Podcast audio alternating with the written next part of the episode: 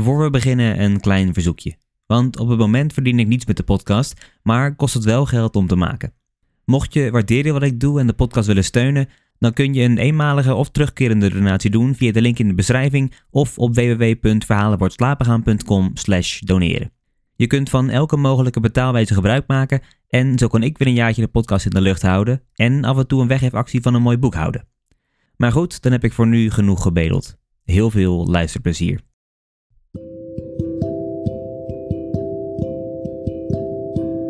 Hallo allemaal en welkom. Mijn naam is Mike en in deze aflevering lees ik voor uit de zeven verhalen over het eenzame leven van Steven. Dit is Verhalen voor het slapen gaan.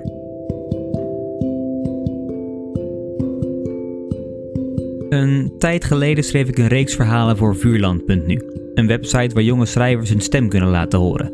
In de vorige aflevering gaf ik al een korte introductie.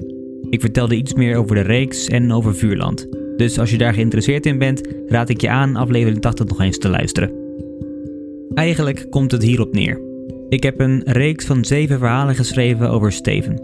Het zijn zeven episodes over verschillende fases van zijn leven, waarin hij keer op keer op een andere manier in aanraking komt met eenzaamheid.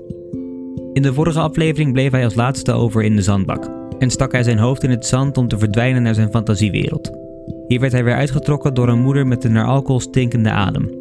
In deze aflevering lees ik het tweede verhaal uit de reeks voor en het heet Die Vraag. Steven is inmiddels ietsje ouder en zit op de middelbare school.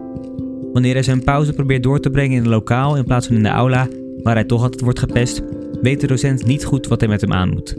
Dit is Die Vraag.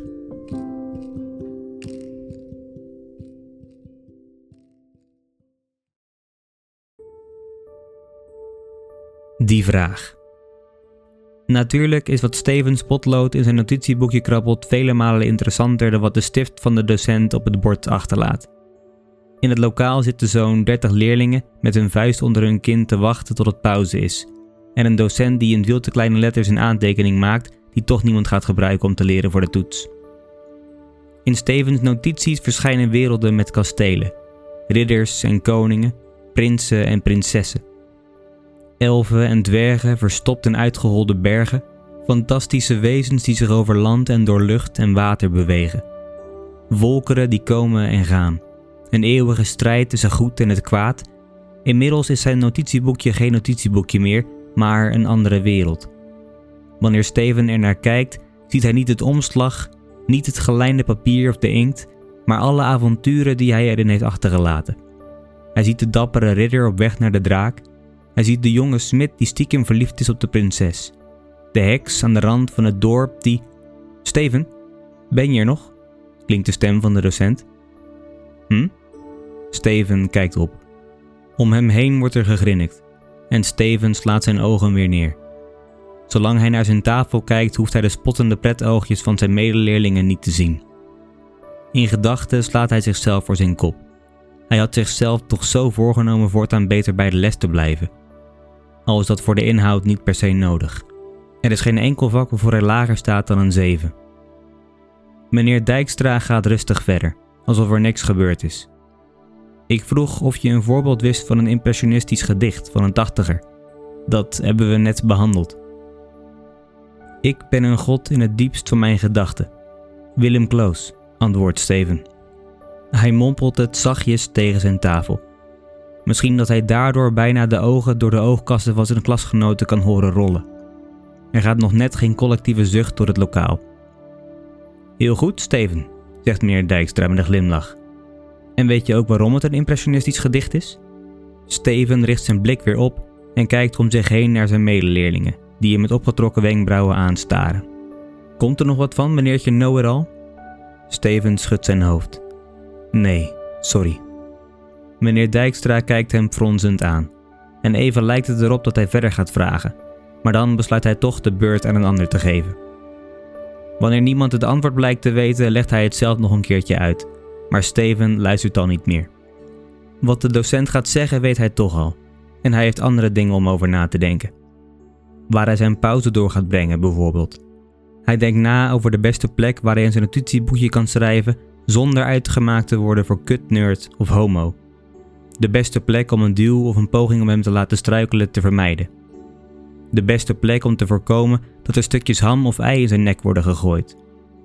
Tot nu toe heeft er niets gewerkt. Op de een of andere manier weten ze hem in elke uithoek van de school te vinden. En als hij zichzelf een kwartiertje lang zou opsluiten in de toiletten, durft hij niet te denken aan de verhalen die eronder zouden doen. Wanneer uiteindelijk de bel gaat en iedereen als een stel gespannen veren opspringt om naar buiten te vluchten, blijft Steven besluiteloos in het lokaal zitten. Hij legt zijn tas op tafel en pakt langzaam zijn spullen in terwijl meneer Dijkstra zijn aantekening van het bord veegt. Hij pakt zijn lunch uit zijn tas en begint met kleine hapjes zijn brood op te peuzelen. Wanneer meneer Dijkstra zich omdraait, zwikt hij. Steven, zegt hij, alsof hij zichzelf ervan moet overtuigen dat het inderdaad Steven is die nog voor hem zit. Je weet dat het pauze is, toch? Steven knikt, neemt nog een hap van zijn boterham. Hoor je die niet te vieren met je vrienden?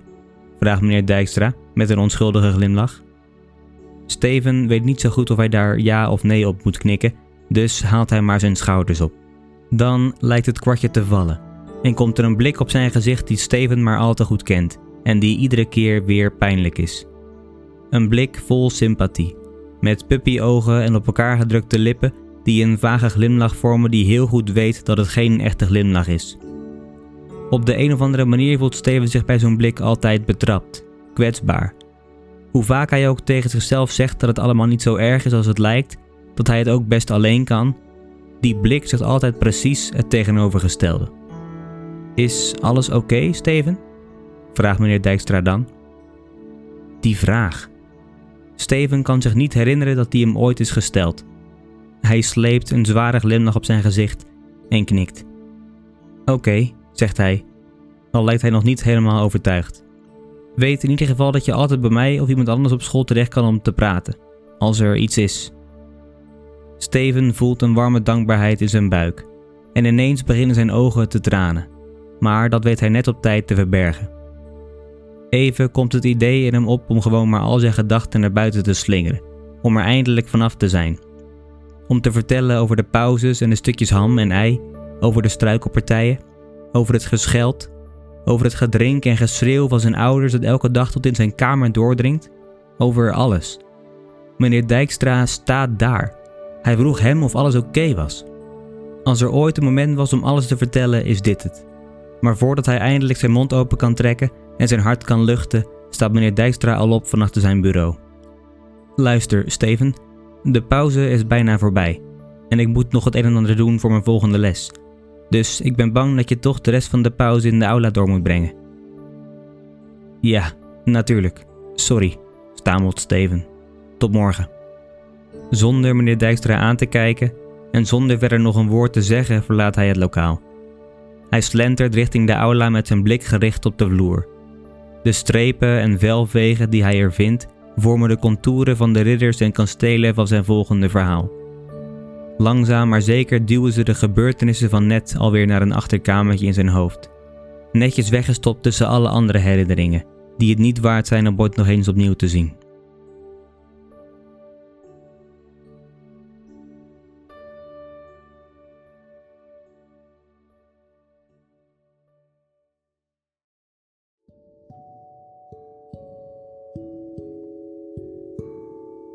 Dat was die vraag. We lezen hoe Steven uit zijn gedachteroom wordt gehaald door een vraag van de docent. Wanneer hij antwoord geeft, is hij zich bewust van de blikken van zijn medeleerlingen. Ze vinden hem een nerd en een wijsneus. We komen erachter dat hij echt niet achterlijk is en dat hij voornamelijk bezig is met strategieën om de pauze te overleven. Wanneer de bel gaat en hij geen strijdplan heeft, blijft hij dus besluiteloos zitten. De docent schrikt van zijn aanwezigheid en stelt hem een vrij onschuldige vraag. Maar door het antwoord begint hij te vermoeden dat er iets mis is en dus vraagt hij aan Steven of alles oké is. Daar is de kans waar Steven misschien al zijn hele schooltijd op heeft gewacht. Eindelijk is er iemand die hem ziet. Iemand die hem kan helpen.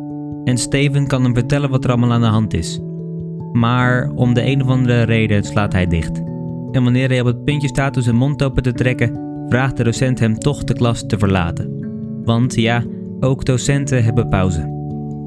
En dus slentert Steven maar weer richting de aula, waar hij zijn bestaan voortzet zoals het tot nu toe is geweest. Op naar het volgende verhaal. Voor ik afsluit nog één dingetje. Het luisteren van de podcast is gratis, maar het maken is dat niet. Natuurlijk vind ik het hartstikke leuk om te doen. Maar mocht je de podcast willen steunen, dan kun je via het platform Kofi al vanaf 1 euro per maand bijdragen aan de inhoud en de kwaliteit. Daarnaast heb je de mogelijkheid om je te abonneren op exclusieve extra's, zoals bonusafleveringen met extra verhalen en achtergrond, toegang tot giveaways, audioboeken en nog veel meer. Je vindt de link naar Kofi in de beschrijving. Ik wil jullie hartstikke bedanken voor het luisteren naar deze podcast. Voor achter de schermen, updates, vragen of opmerkingen kun je me vinden op social media onder de naam Verhalen voor het slapen gaan. En dan zie, slash hoor ik jullie volgende keer. Voor nu, goede nacht, slaap zacht.